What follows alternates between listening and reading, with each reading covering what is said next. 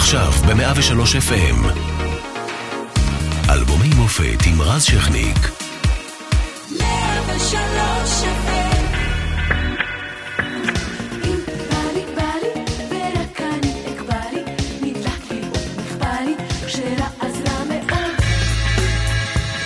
ב-1989 הייתה שנה קשה לישראל בהיבט אה, של טרור, מחבל מדרדר אוטובוס בקו 405 לתהום, ליד קריית יערים וגורש 16 הרוגים, החיילים אביסה ספורטס ואילן סעדון נחטפים ונרצחים על ידי מחבלי חמאס.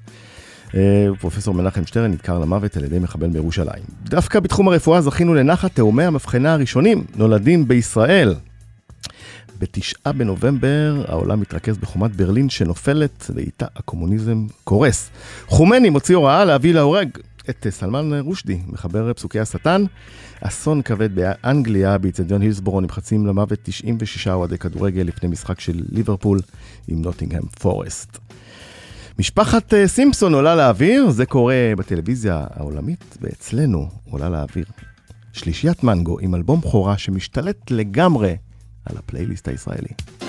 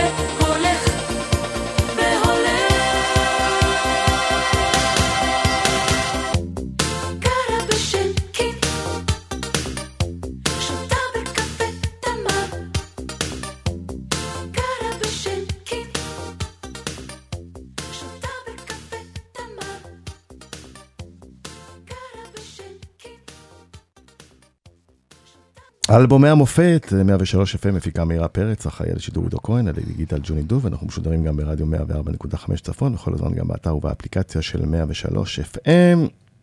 והערב אנחנו uh, עם uh, מנגו, מירי נבו, טננבוי מאז.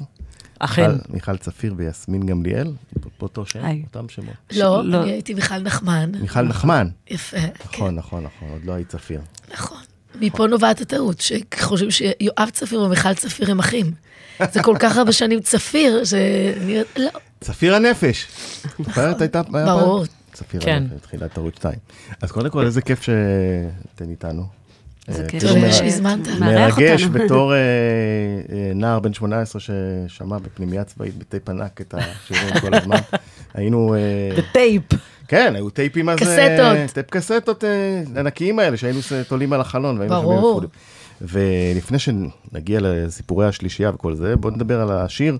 כמובן מילים יאיר לפיד, לחן חברו רמי קליינשטיין. איך נוצר השיר הזה? זה סיפור אה, מיוחד.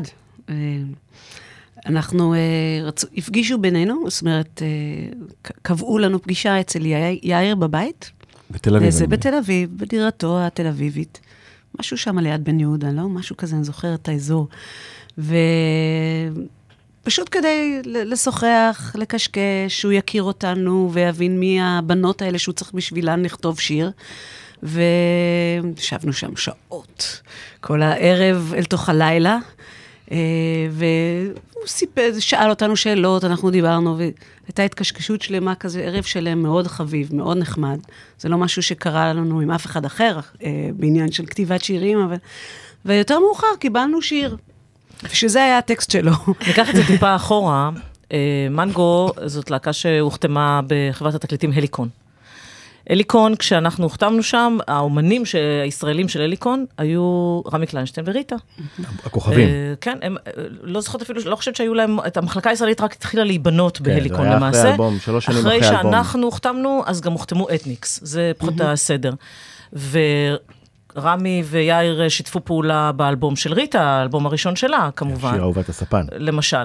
אה, ומטבע הדברים, אה, בהליקון רצו, אתה יודע, את האומנים in-house, ואמרו, אוקיי, אה, אז עכשיו אה, אולי יאיר יוכל לכתוב גם לשלישיית הבנות החדשה שאנחנו אה, מקימים, ויאיר רצה, כמו שיסמין אומרת, לקבל השראה בעצם. והייתה שיחה מאוד ארוכה שהגיעה להמון המון עולמות. שלא בהכרח היו קשורים למה שיצא בטקסט בסוף, זאת אומרת, זה לא מכך נובע, אפילו די הופתענו כשראינו את המילים. כי זה היה נראה תל אביבי מדי? מאוד, זה לא אנחנו לא שיקף אף אחד בכלל. מהחיים שלנו. לא ישבתם אנחנו בקפה גרנו תמר. בפתח תקווה, לא ישבנו בקפה תמר, אבל אני כן, אני כן זוכרת משהו מיאיר.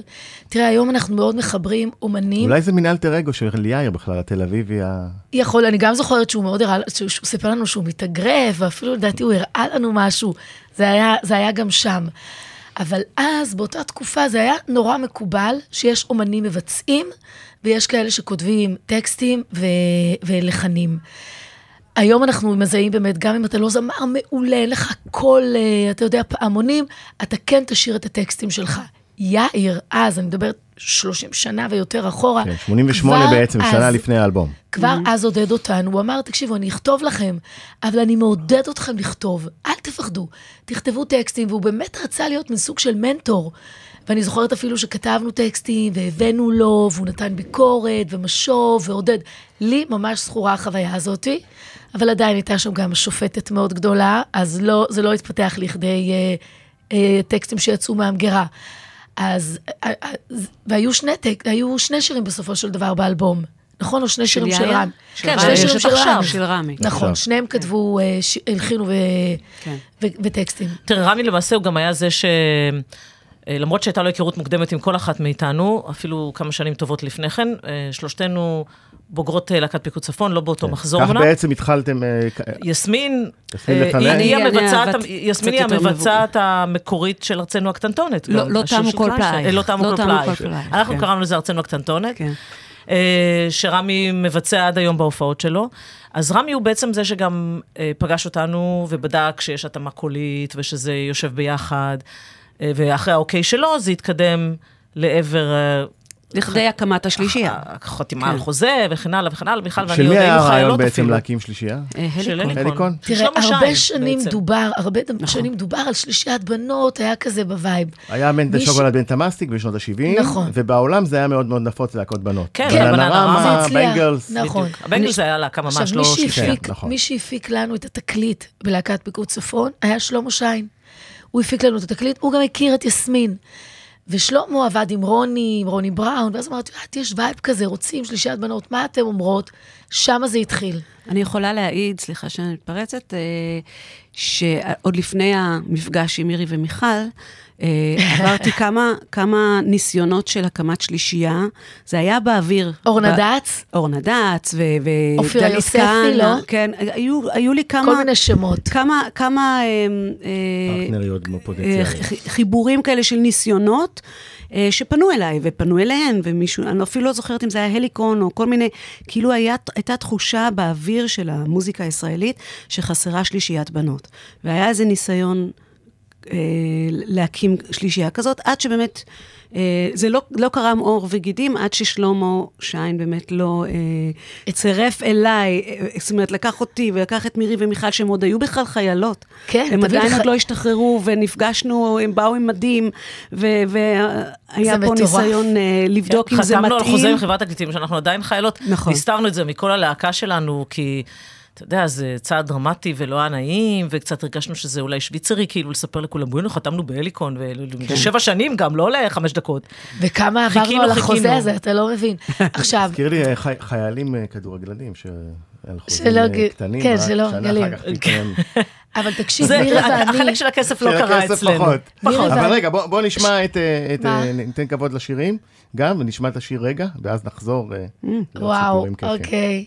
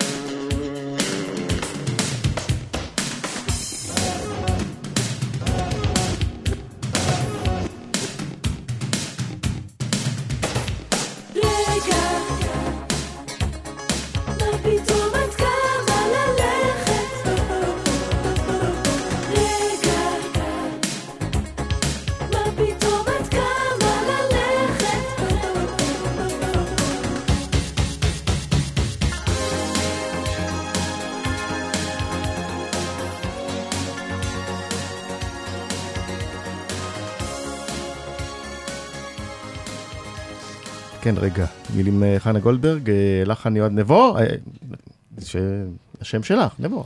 כן, יועד. כן, אפרופו אה, מה שמיכל אמרה, זה גם יועד ואני שהכרנו במסגרת מנגו.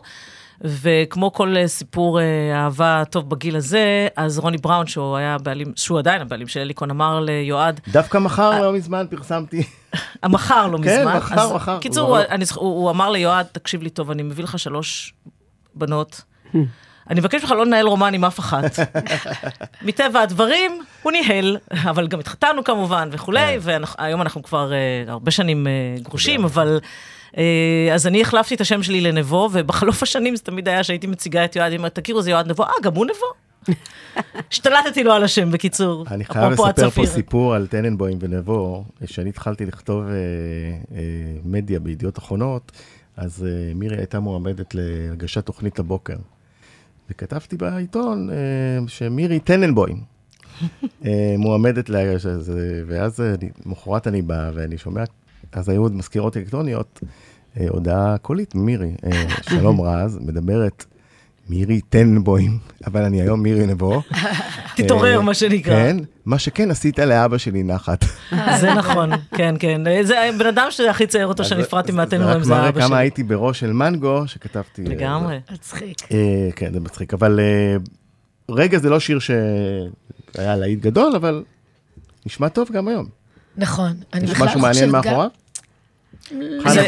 אני, חושבת שאפשר, אה, עכשיו שהקשבנו לשיר, ובאמת אני חושבת שאולי עברו 30 שנה מאז שמ- ששמעתי אותו, אפשר לשמוע באמת ההפקה המוזיקלית המאוד אלקטרונית, ואני חושבת בשיר הזה במיוחד, שיועד ותמיר קליסקי ביחד כאילו אה, עשו פה ממש עבודה אה, מאוד פופית מתקדמת לתקופה הזאת, והרבה דברים עם השפעה מכל העולם, השפעה אירופאית.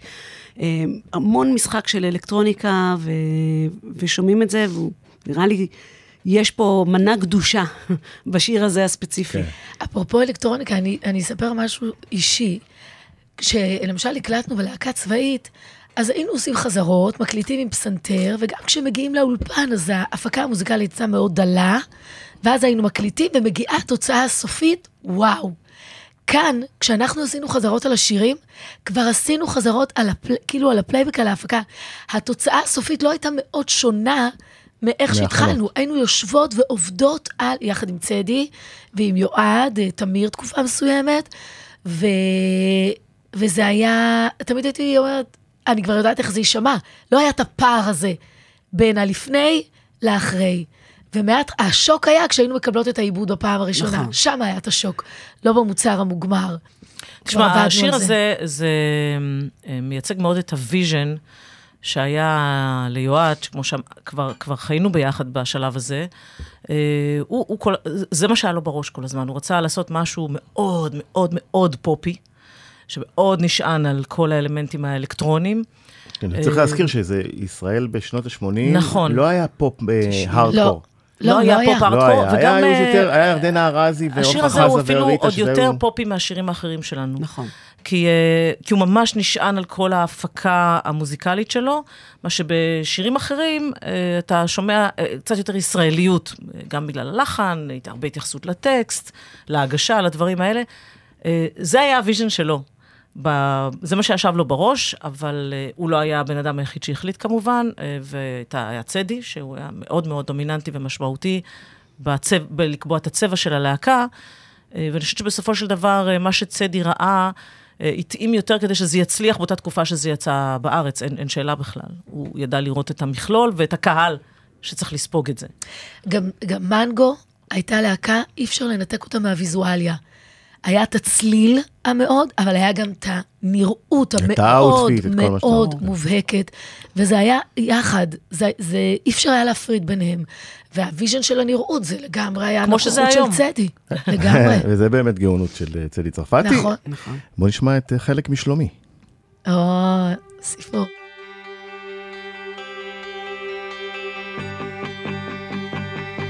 ואם תראה תגיד בשמי, שכבר הרבה ימים הוא חלק משלומי. בשקט הזמני, ברצף הפנימי.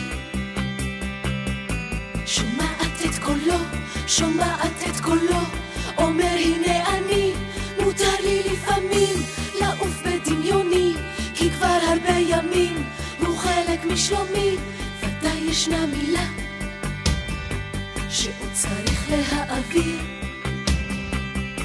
ודאי ישנה חמלה שלא ידעתי להעיר, ואם אני קוראת קוראת את מה שבאוויר. אני לא החולמת היחידה בעיר, ואם תראה אותו, אולי תגיד בשמי, שכבר הרבה ימים משלומי. בשקט הזמני, ברצף הפנימי, שומעת את קולו, אומר הנה אני, מותר לי לפעמים לעוף בדמיוני, כי כבר הרבה ימים הוא חלק משלומי, מותר לי לפעמים לעוף בדמיוני, כי כבר הרבה ימים הוא חלק משלומי,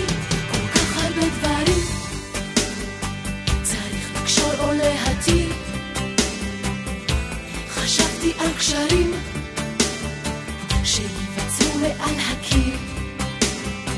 אולי השיר שלי יבוא, יבוא אליו זהיר. אני לא החולמת היחידה בעיר, ואם תראה אותו, אולי תגיד בשמי, שכבר הרבה ימים הוא חלק משלומי. בשקט הזמני, ברצף הפנימי, שומעת את קולו, אומר הנה אני, מותר לי לפעמים לעוף בדמיוני, כי כבר הרבה ימים הוא חלק משלומי, מותר לי לפעמים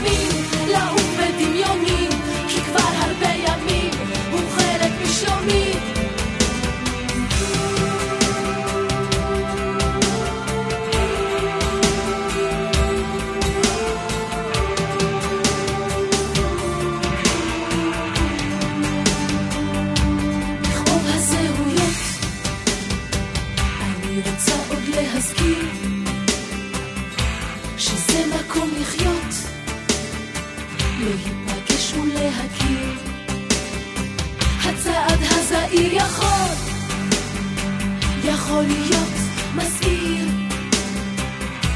אני לא החולמת היחידה בעיר, מותר לי לפעמים לעוף בדמיוני, כי כבר הרבה ימים הוא חלק משלומי, מותר לי לפעמים לעוף בדמיוני, כי כבר הרבה ימים הוא חלק משלומי, ואם תראה אותו, אולי תגיד בשמי, שכבר הרבה ימים הוא חלק משלומי.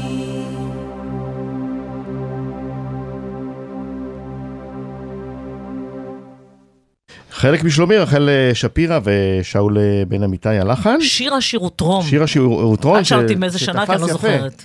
אגב, לא, אתה זה לא מבין. איזה כבוד זה היה, שאנחנו שרנו את שיר השיר נכון. טרום. צריך להזכיר ויצא שירוטרון של גלי. צה"ל זה היה משדר שכל המדינה הייתה מחכה לו. יותר מזה, אז התחיל גם אה, ערוץ 2 הניסיוני. אז הקלטנו נכון, נכון. באולפני מימד, שאז היו ברחוב בן יהודה, זה היה נכון. בחדר. הקלטנו את הקליפ של שיר השיר ותרום.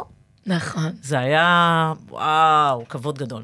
כבוד בוא- גדול. בוא נדבר קצת על זה שבעצם אתם, אה, כל אה, להיט, כל שיר שלהם מוציאות מכה את הרדיו, ואתם הופכות מפורסמות. אה, כמו שאמרת, אה, מיכל, קודם, זה נהיה, ח- הלוק נהיה חלק מהעניין, ואז נכון. כן מכירים אתכם ברחוב, בטח אחרי ה... 90 אחוז רייטינג? 90 בוא, אחוז ערוץ רייטינג. בערוץ אחד. זה נורא חשוב להבין שיש רק ערוץ אחד. נכון, שאם הופעת שם, אז זהו. דקות מופיעות בו. גם רק, ערוץ אחד, וגם סוללה, סוללה של, של אה, יחצנים, פרומו ו- ויחצנות. ו- זה היחסי ציבור שלכם אז? נעמי אלשיך, זכרה לברכה. נכון.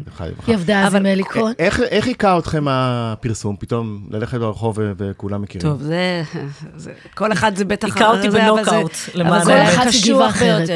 אני כבר הייתי ממש הארדקור תל אביב, גרתי בתוך העיר, ואני זוכרת שממש אחרי השידור הראשון, זה סיבה למסיבה, או סוף סוף, אני אף פעם לא זוכרת מי מהם היה קודם, סוף אבל... סוף. סוף סוף. לא, סוף, להיט בראש. היה ההופעה הראשונה. לא, אבל- בוודאי. לא, שישי הראשון. היה גבי גזית. הראשון גבי גזית, כן, גבי סוף סוף. גזית, שישי בערב, כי שישי בערב היה פריים טיים מטורף, אין מישהו שלא ישב לראות. יום ראשון בבוקר אני יורדת, יוצאת למכולת או whatever, שרתם שם קפלה אצל גבי. גם, כן. נכון. אז מיד, מיד, כל הרחוב וה, והמכולת הקטנה, ואתם ככה, ומה, ופה, ו... ו... ו... זה בשניות, פשוט בשניות, כמו, כמו אה, שדה קוצים, אז אי אש אפשר בשדה ללכת קוצים. ברחוב? אפשר ללכת, אבל מתייחסים אליך פתאום. רואים אותך, ראינו אותך, ויא, ומה אתם, ומה זה, ומי זה, ולמה זאת לבשה את זה, ולמה זאת על זה, ומי, מה, מיליון שאלות, ואתה הולך ברחוב, ואתה קצת מרגיש קצת כמו איזה מין, או את. מלכה, סוג של אה, מלכות קטנה, ו- ו- וזה מוזר, מאוד מוזר, ומיד צדי הנחה אותנו, אה, לא יורדים למטה למכולת בלי... אה, איפור, איפ- קצת וזה. איפור, מסודרים, אין כזה דבר, אתה יוצא מהבית, אתה יוצא מסודר. וזה עוד. לא היה- לפני עוד לא היה שהיה. פפראצי נכון. כן, עוד לא היה אז. ועוד לא היה כל אחד עם קודם מצלמה כל היה שמצלם אותך. פפראצי. אבל מאוד היה, מעודן. אבל בעדינות. אני לא אשכח, איזה יום אחד היה בציפורה, הציפורה שהיה, נכון, בעיר. בעיר. יסמין גמליאל נראתה עומדת בתחנת האוטובוס ליד הרכבת. That's it. כאילו, אני אפילו שאלתי, נכון, אלה אז אז את מה זה. מעניין? את מי זה מעניין? יוצא. למה? לא, אבל אני אגיד לכם מה אני כן זוכרת, ויש לזה סיפור. היה, נדמה לי, טקס מלכת היופי, או אחד מהדברים האלה, היינו באילת, והופענו בטקס הזה, וישבנו לאכול ארוחת ערב. ואז ניגשה איזו ילדה שרצתה להצטלם איתנו עכשיו, או שנחתום לה. ואמרנו, רגע, אנחנו רוצות נכון. לסיים אה, לאכול. ואיכשהו היא כתבה, הם סנוביות, וזה יצא, יצא משהו בלי פרופורציה. תחשוב, זה עוד לפני השיימינג, לפני שיש, וזה עשה המון המון המון רעש, ואנחנו כאילו הרגשנו צורך להגן על עצמנו. לפני כמה שנים, היא כתבה לך מכתב. באמת. היא כתבה לך או לי, אני לא קיבלתי מכתב. אני אפילו את הסיפור לא זוכרת. אני זוכרת והתנצלה, מה והתנצלה? שזה הדיר. היא אמרה, אני שנים הסתובבתי עם תחושה. היא הייתה כתבת בעיתון נוער, והיא הבינה את הכוח שיש לה, והיא שנים הסתובבה עם תחושה שהיא עשתה לנו עוול. והיא כת... וואו. כן, חמודה. והיא כתבה לנו, היא יכולה להיות רגועה, אני לא שחררתי זוכרת אותה, את זה. שחררתי אותה. אני זוכרת את זה, אני זוכרת את זה כי, תראה, גם היום אנחנו יודעים שיש פער בין מה שהתכוונת לאיך שזה יצא. נכון. זה מאוד מתסכל אותך. אף אחד לא רוצה לפגוע במישהו, לא קם בבוקר ואומר, עכשיו אני אפגע במישהו. אז הפער בין איך שהיא פירשה את ההתנהגות שלנו, אז אני מודה שעליי, כאילו, זה צבט לי, והרגשתי גם צורך. אבל זה יפה שאחרי לא שנים. כן. נכון. בוא נגיד. ש- את נגיד- אמרת אבל קודם משפט שזה היכה אה, אותך. כן, בוא נגיד שיש כאלה שקמים בבוקר ורוצים לפגוע במישהו, אבל אה, זה חבל בשבילם בעיקר. אה, כן, האמת שאני לקחתי את זה פחות טוב. כאילו זה, זאת אומרת, בהתחלה זה היה נראה לי בסדר, זאת אומרת, אתה יודע, זה נחמד בהתחלה, אבל מהר מאוד זה חנק אותי. אה, זה היה לי מאוד מאוד קשה, החוסר פרטיות. שזה משהו שהוא בעצם, אני כבר בן אדם מפורסם מגיל 20, עד עצם היום הזה הפרטיות שלי, משהו שהוא מאוד, אני מאוד קנאית לו, ככל שאני יכולה. אבל זה, זה היכה אותי, זה עשה לי לא טוב, אה, אני ממש סבלתי מזה. זאת אומרת, איך זה בא לידי ביטוי? מה, לא יצאת מהבית? לא ידעתי את זה, אה, מירי. הגזמת, באמת לא ידעתי בטח. שהיא הרגישה מאוד, ככה. מאוד, מירי מאוד, עברה מאוד, ממש מאוד. משבר, אני זוכרת. כן. מה, לא יצאת מהבית? לא? אה, השתדלתי פחות לצאת מהבית, בעיקר לחברות, למקומות שהיה לי בהם אה, נוח, ו- ולא הייתי בסיטואציה שכל אחד ניגש וכל אחד יש לו מה להגיד. גרתי אז ליד דיזינגוף סנטר, ואני זוכרת שהאירוע, אה, שכאילו היה משהו שאני ממש, יושב לי חזק בזיכרון, זה שלא יכולתי ללכת בסנטר. וגרתי ממש ליד, זה, זה היה המקום שאליו הלכתי לכל מיני דברים. לא יכולתי ללכת, כל אחד או אחת היה להם מה להגיד לי, לגשת אליי. זה, אני כל... זה היה יותר... ועוד זה לפני עידן הסלפי של בואי תעצור. עוד לא היה, עוד לא הצטלמו איתי, רק רצו לדבר איתי, או כל מיני דברים כאלה. אה, לא ידעתי אז לתרגם את זה לפשוט אהבה של אנשים. זה פשוט חנק אותי, וזה היה לי יותר מדי, וכנראה קצת בגיל צעיר מדי. אה, לא... אה, אני זוכרת שאולי אחת ה... ה... נקרא לזה תופעות הלוואי של זה, כשהגעתי לערוץ הספורט, שזה היה קצת אחרי מנגו, זה שמעתי, אני לא רוצה להצטלם, שרק ישמעו אותי, שלא יראו אותי. כשהיית, יותר טוב. התחלת כשדרת קווים באמת, שפחות כן, מצטלמים. כן, אמרתי למיילן, אז המנכ"ל, אמרתי לו, שלא יראו אותי, רק ישמעו, זה יותר חשוב שישמעו אותי, לא צריך לראות. כמה שפחות, אם אפשר. אה, בסדר, למדתי לחיות עם זה עם השנים, אבל אז זה היה אה, כבד, גדול, אה, לא ידעתי להכיל את זה, כן? זה לקח לי כמה שנים של, אני כן, של חושבת טיפול טוב בשביל שההבדל- ללמוד לחיות אני עם חושבת המפורסמות. שההבדל, אני גרת, הם כבר גרו באמת בתל אביב, אני גרתי בפתח תקווה, בקריית מטלון, בבית פרטי. מדי פעם היו יכולים כזה לבוא ילדים, ואני חושבת שמבין, אני לא יודעת איך אצלך, לי לא היה עניין עם זה. ממש. גם עד היום אני חושבת שאני בן אדם אחד שאוהב לעבוד עם צוות, ואין לי כל כך בעיה עם העניין הזה של איך זה נתפס וזה, וקיבלתי ביקורת. זה לא שהייתי כזאת מלאה, אבל יחסית לשתי הדוקיות שהיו איתי בלהקה, כל הזמן העירו לי על המשקל. זה משהו שהיה נוכח, אני חייבת להגיד. אבל uh, כתבתי, כתבתי יומנים, ותמיד אני כותבת, וגם היום אני כותבת. ובשנים האחרונות, שאני מתעסקת באורח חיים הבריא, נתקלתי שלא להגיד באחד גורו היומנים. של אורח חיים בריא. תודה. נתקלתי באחד היומנים, ואני כותבת שמה, אנחנו בשיא שלנו, ואני לא יודעת מאיפה הייתה לי את התובנה הזאת, ואני אומרת, אני נהנית מזה, ואני יודעת שזה זמני. אז אני, ככה אני כתבתי. אז אני היה שם משהו תובנה- מאוד בוגרת לי- היה שם אה, משהו, היה שם משהו, אני לא חושבת, אני לא יודעת אם זה בריא או לא בריא, איזושהי הבנה שזה זה, זה, זה תקופה, היא תעבור, תהני ממנה, יגיעו גם תקופות אחרות. לצערנו היא עברה מאוד מהר. אני אגיד לך משהו, זה, מיכל מזכירה לי פתאום איזה משהו שהיה בחוויה שלי. אה, קודם כל התעסקו הרבה בנראות, כמו שהיא אמרה. כן. שזה... כי הנראות גם שלכם, אתה... שזה משהו- חלק מהלהקה, חלק ומאוד כן, חדישה- שזה חדישה משהו. שלי מאוד הפריע. זאת אומרת, שרוב התגובות של האנשים היו כל הזמן, את נראית ככה, את לא נראית נכון. ככה, מה שלבשת ככה, וזה וזה וזה, וזה מאוד הפריע לי שלא מתעסקים בתוכן. ו... וגם אישית לי היה מהר מאוד קשה עם, ה... עם, עם מנגו. זאת אומרת, אה, כשהתחלתי טיפה יותר להתבגר, היה לי כבר קשה עם ה vision של הלהקה. כבר לא הייתי שלמה איתו. לא עם כי? הפוז... לא עם... כי אה, זה... היה לי קשה, לא, לא, לא הרגשתי שזה אני. להיות אה, נערת, ילדת פופ כזאת, המתקתקות הזאת, השירים, אז זה, זה מהר מאוד נהיה לי קשה. לא, הפסקתי להתחבר לזה. אבל הייתי במשחק, והייתי חייבת לשחק אותו. אז התגובות של הקהל אה, עוד יותר הקשו עליי. זה אה, נהיה דיסוננס פנימי, זאת אומרת, זה, זה כבר לא, לא אהבתי את זה, אבל הייתי שם. אני מרגישה, קשה. אני אבל הנה, מרגישה, היום אנחנו, אחת, אה, אחת הבעיות בעצם, זה- אתה נוגע פה פשוט בנקודה שהיא כנראה, כפי שאתה שומע, מאוד מאוד אה, חזקה לכל אחד. מה שמטריד זה שיש לאנשים ברחוב את החוצפה הזאת, אפשר לומר, שהם מרשים לעצמם להגיד מה שהם רוצים. אליך, בפנים. אין פה את ה distance הזה. גם כשאתה מפורסם, אין distance, היום זה נהיה אין בטוקבקים סינון. פשוט. זה נכון, זה עוד יותר גרוע, אבל החוויה הזאת שאתה, שכל אחד יש לו משהו להגיד, וכשיש לו משהו להגיד, הוא אומר לך את זה. גם אם את אתה... כל כך נראית טוב שאת לא וכל בטלוויזיה. מיני, כן. ויש בזה משהו שהוא, אה, במיוחד שאנחנו, אה, זה לא אתה סטאר באיזה הוליווד ואתה יכול לגדר את עצמך באיזה, באיזה קומיוניטי כזה שאף אחד לא רואה אותך מסתובב. אנחנו ב- בלב, ה- בלב, הקונ- לב העיר עם כולם, מנסות לחיות את חיינו, וזה הקושי באיזשהו מקום, או לפעמים אתה ממש מרגיש כאילו... באיזה, באיזה זכות מישהו בכלל אומר לך, אבל אתה. לומד, אתה לומד להתמודד עם זה, ומצד שני, יש בזה משהו שהוא מעיק. זה בהחלט משהו שיש ב... לא רק האנשים, אני, מעבר לזה, אם דיברו יותר על הנראות שלנו, גם היה שיח על המוזיקה שלנו. הרגשתי, אני הרגשתי לפחות, שהשיח המקצועי, אנשי המקצוע, אנשי המוזיקה מסביב, הסתכלו קצת בזלזול, בהתנסות. בהתנסות על המוזיקה שאנחנו עושים, מה זה הפופ הזה, מה זה נגיד הקלילות גלי הזאת. צה"ל השמיעו? אין לי מושג, אני לא זוכרת. כולם תראה, מתאים אבל. תמיד היה, בגלל שנראה פופ וזה, כשראיינו אותנו, תמיד אנשים היו בשוק. היה להם איזושהי דעה מאוד נחרצת נכון. עלינו, שאתם, אה, מבלי שאנחנו שאנחנו מטומטמות. אינטליגנטיות, שאנחנו מסוגלות להביע את עצמנו בצורה כל כך רהוטה, שיש לנו דעות על נושאים מאוד רחבים ויש לנו גם ידע מאוד רחב.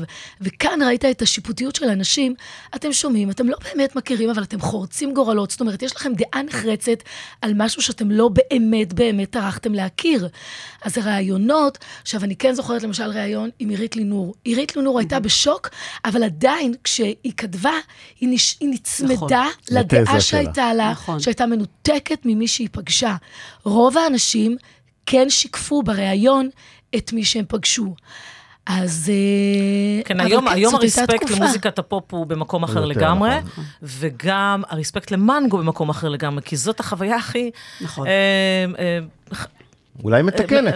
הנה, אנחנו יושבים אה, פה 30... הכי- אה, הכי נחמדה שקרתה בעצם בתקופה האחרונה, בעקבות היום הולדת 80 של צדי, זה שפתאום כל כך, אה, אני, אני, אני מקבלת כל כך הרבה אה, פרגון. פידבקים חיוביים, ופרגון, ואהבה, וגעגועים. זה הרבה שנים, מירי, המון למנגו, שנים. מאנשים שלא הייתי נכון. מאמינה שבכלל הקשיבו ללהקה, אתה יודע, גברים גם, אני... כבר 20 שנה שאני מקבלת את התחושה הזאת של הפרגון, שאנשים אומרים, למה אבל אתם לא חוזרות וזה, עובדה כן, אבל שאנחנו פה כשהיינו 32 שנה אחרי. לא הרגשתי ככה. 32. אבל אני חושבת שההרגשה היא מאוד. סובייקטיבית. ההרגשה היא סובייקטיבית, גם כל אחת עברה עם עצמה תהליכים, אז אפילו לפעמים יש בכם איזשהו מקום יותר פתוח לשמוע את זה. אז. אז זה שילוב של כמה אני דברים מסכימה איתך ביחד. בעניין נכון, הזה. גם המקום הרבה נכון. יותר בטוח אני אחרי סיימתי- קריירה שעברתם נכון, מאשר כן. בגיל אה, 20. נכון. אז בוא כן, נלך אה. לבת 16. הייתי. הופה, חידוש, והשיר... בת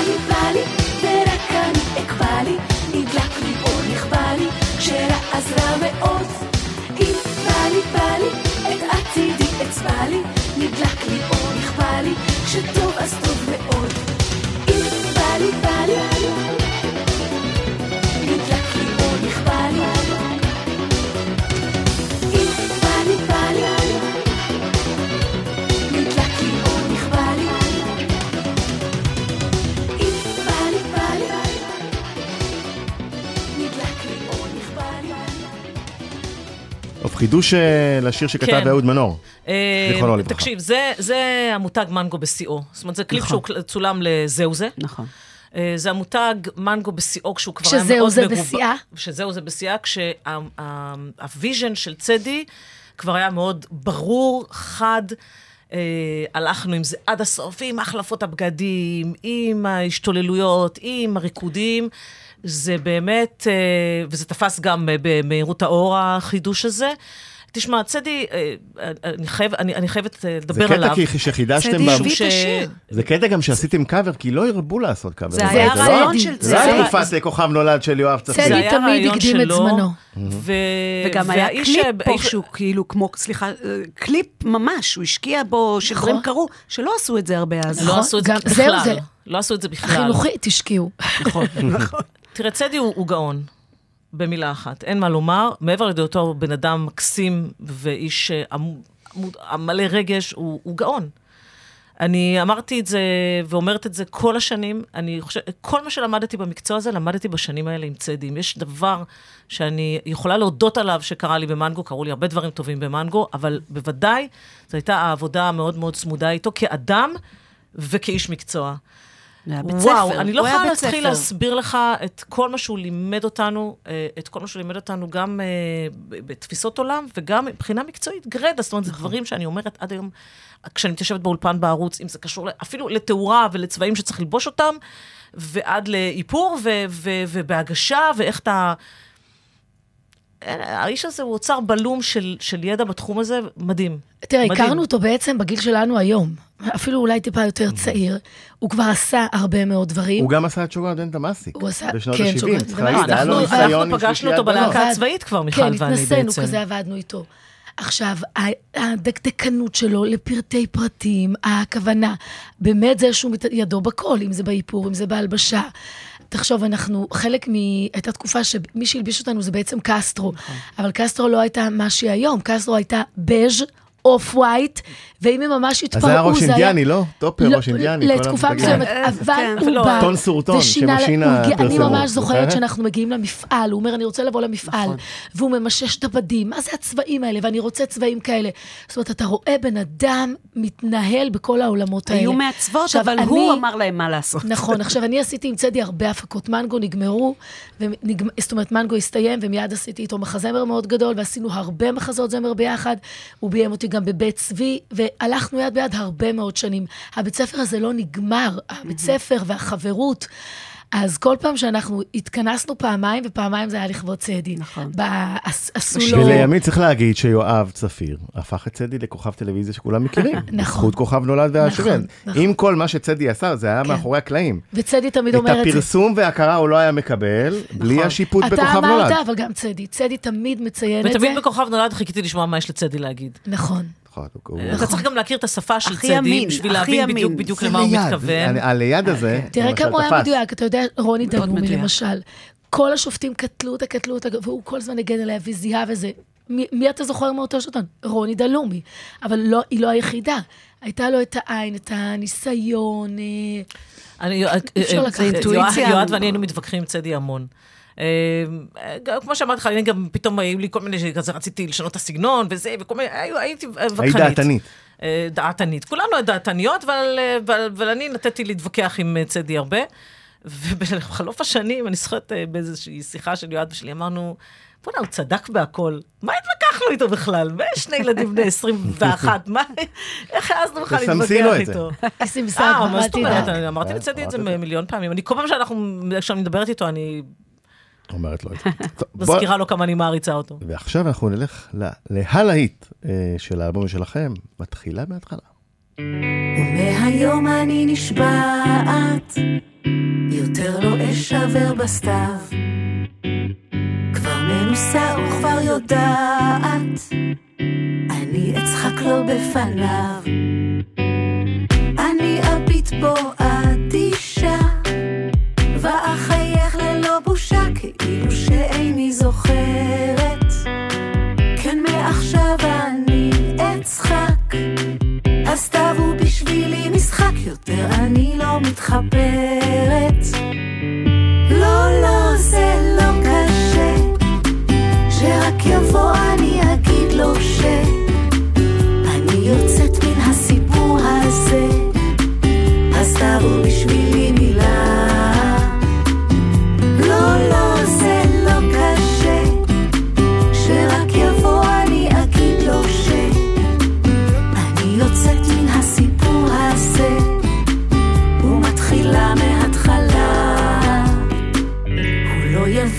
שקרה פה, הוא לא רגיל לשינויים. איש מעולם לא התגרה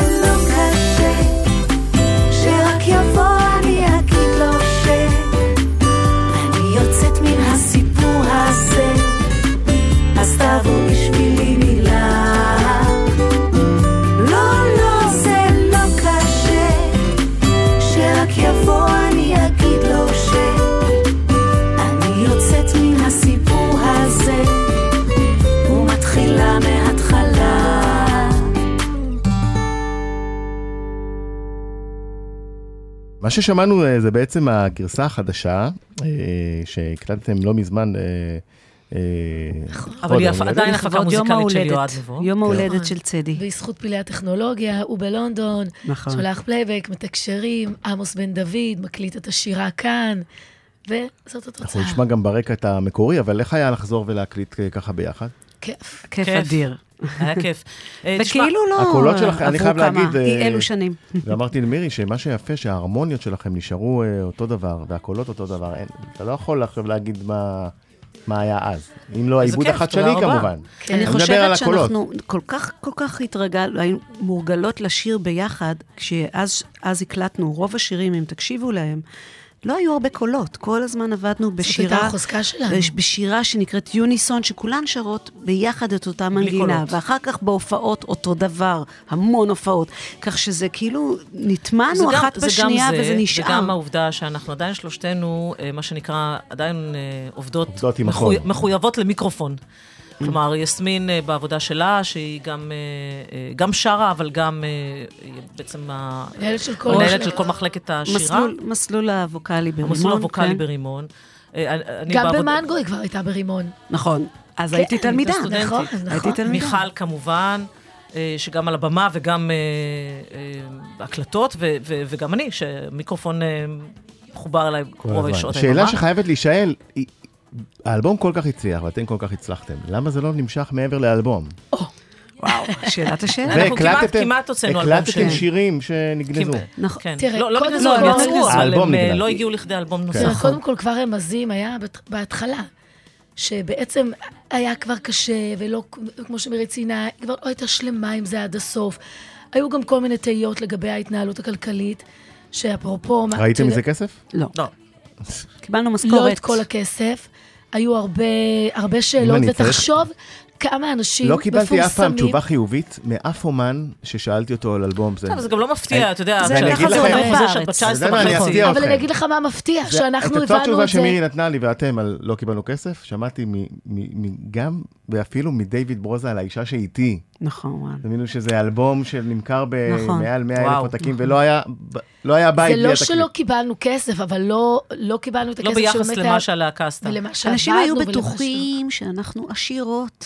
זה פשוט, תמיד הצחיק אותי מאוד. אבל זה היה החוזה שלנו, זאת אומרת, אה, זה לא שבחוזה היה כתוב משהו ולא נתנו לנו אותו, אה, פשוט... אה, לא, אבל היו, היו, היו, היו שם כמה בעיות, וברגע שאנחנו חיפשנו תשובות, ולא חיכינו 20 שנה, חיפשנו תשובות בשלב מאוד מוקדם, ורצינו לראות ספרים, ורצינו... פתאום זה, זה הפיל צל מאוד מאוד גדול נכון. על ההתלהלות. אז אי אפשר להיפגש עם עורך דין, ולחפש תשובות, ואז לבוא ולהקליט, וכאילו לא קרה כלום. אני חייבת לציין.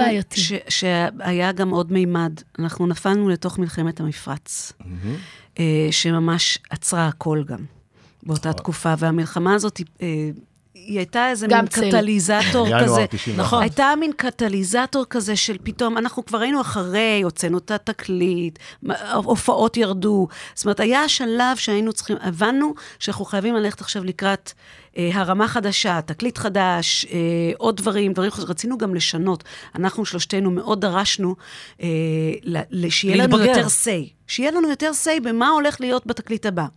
ולא קיבלנו באמת את המענה של מה שבאמת רצינו. היה איזה מאוד משא ומתן בעניין הזה. להסכמה. ואז אז היו פה כמה אלמנטים ביחד, שבסופו של דבר, ושאלה אחרונה אחרונה, כי זמננו אוזל ונשמע את זה עכשיו, יש סיכוי לאיזה הופעת קאמבק ממשית פעם? הופעה, הופעה, ממש? כן, הופעה אחת לא. כזה. אין לנו, לחובבי ה... אנחנו לא... לא, אין דבר כזה. גם את מתחילה מההתחלה ששמענו עכשיו, את הגרסה החדשה, בעצם אה, נה- נהנינו לשיר אותה, משום שהיא מתאימה לנו כבר היום כנשים אה, בוגרות, עם חיים. אה, לחזור לשיר את השירים שלנו, את- כמו ששמעת אותם, שהם הם מקסימים ומתוקים, אבל הם בהחלט מתאימים לזמרות בגיל 20 וקצת. נכון. אה, זה נראה לי קצת אה, מוזר. תמיד הקהל שואל, את לא מתגעגעת? אתם לא מתגעגעים? זה, יש לזה פינה חמה מאוד, ונעימה, כן, אבל אף אחת מאיתנו היא לא בן אדם, אתה יודע, שמתחיל לחזור אחורה. כל אחת גם נמצאת במקום שמאוד כיף לה ומאוד נעים לה. זה גם לא רק, אז, זה אה, אפילו יותר מפינה. זה חתיכת חיים, זה, זה חתיכת חדר. היסטוריה. זה היסטוריה שאני נורא גאה ושמחה שיש נכון. לי אותה בתוך החיים בהחלט, שלי. אבן דרך, אין שאלה בכלל. ונתנה לי כל כך הרבה דברים הלאה קדימה, שאני ממש אה, שמחה על כל רגע שהיה לי שם, ממש. אז יסמין, אה, מירי ומיכל, תודה רבה שהייתם איתנו. תודה שאירחת היה מרגש אותנו, איזה. כיף אה. וואו, אני שומעת את עכשיו ברקע. ניפרד עם עכשיו, איזה שיר כן, יפה זה. שיר יפה. כן. זהו, תודה. תודה רז.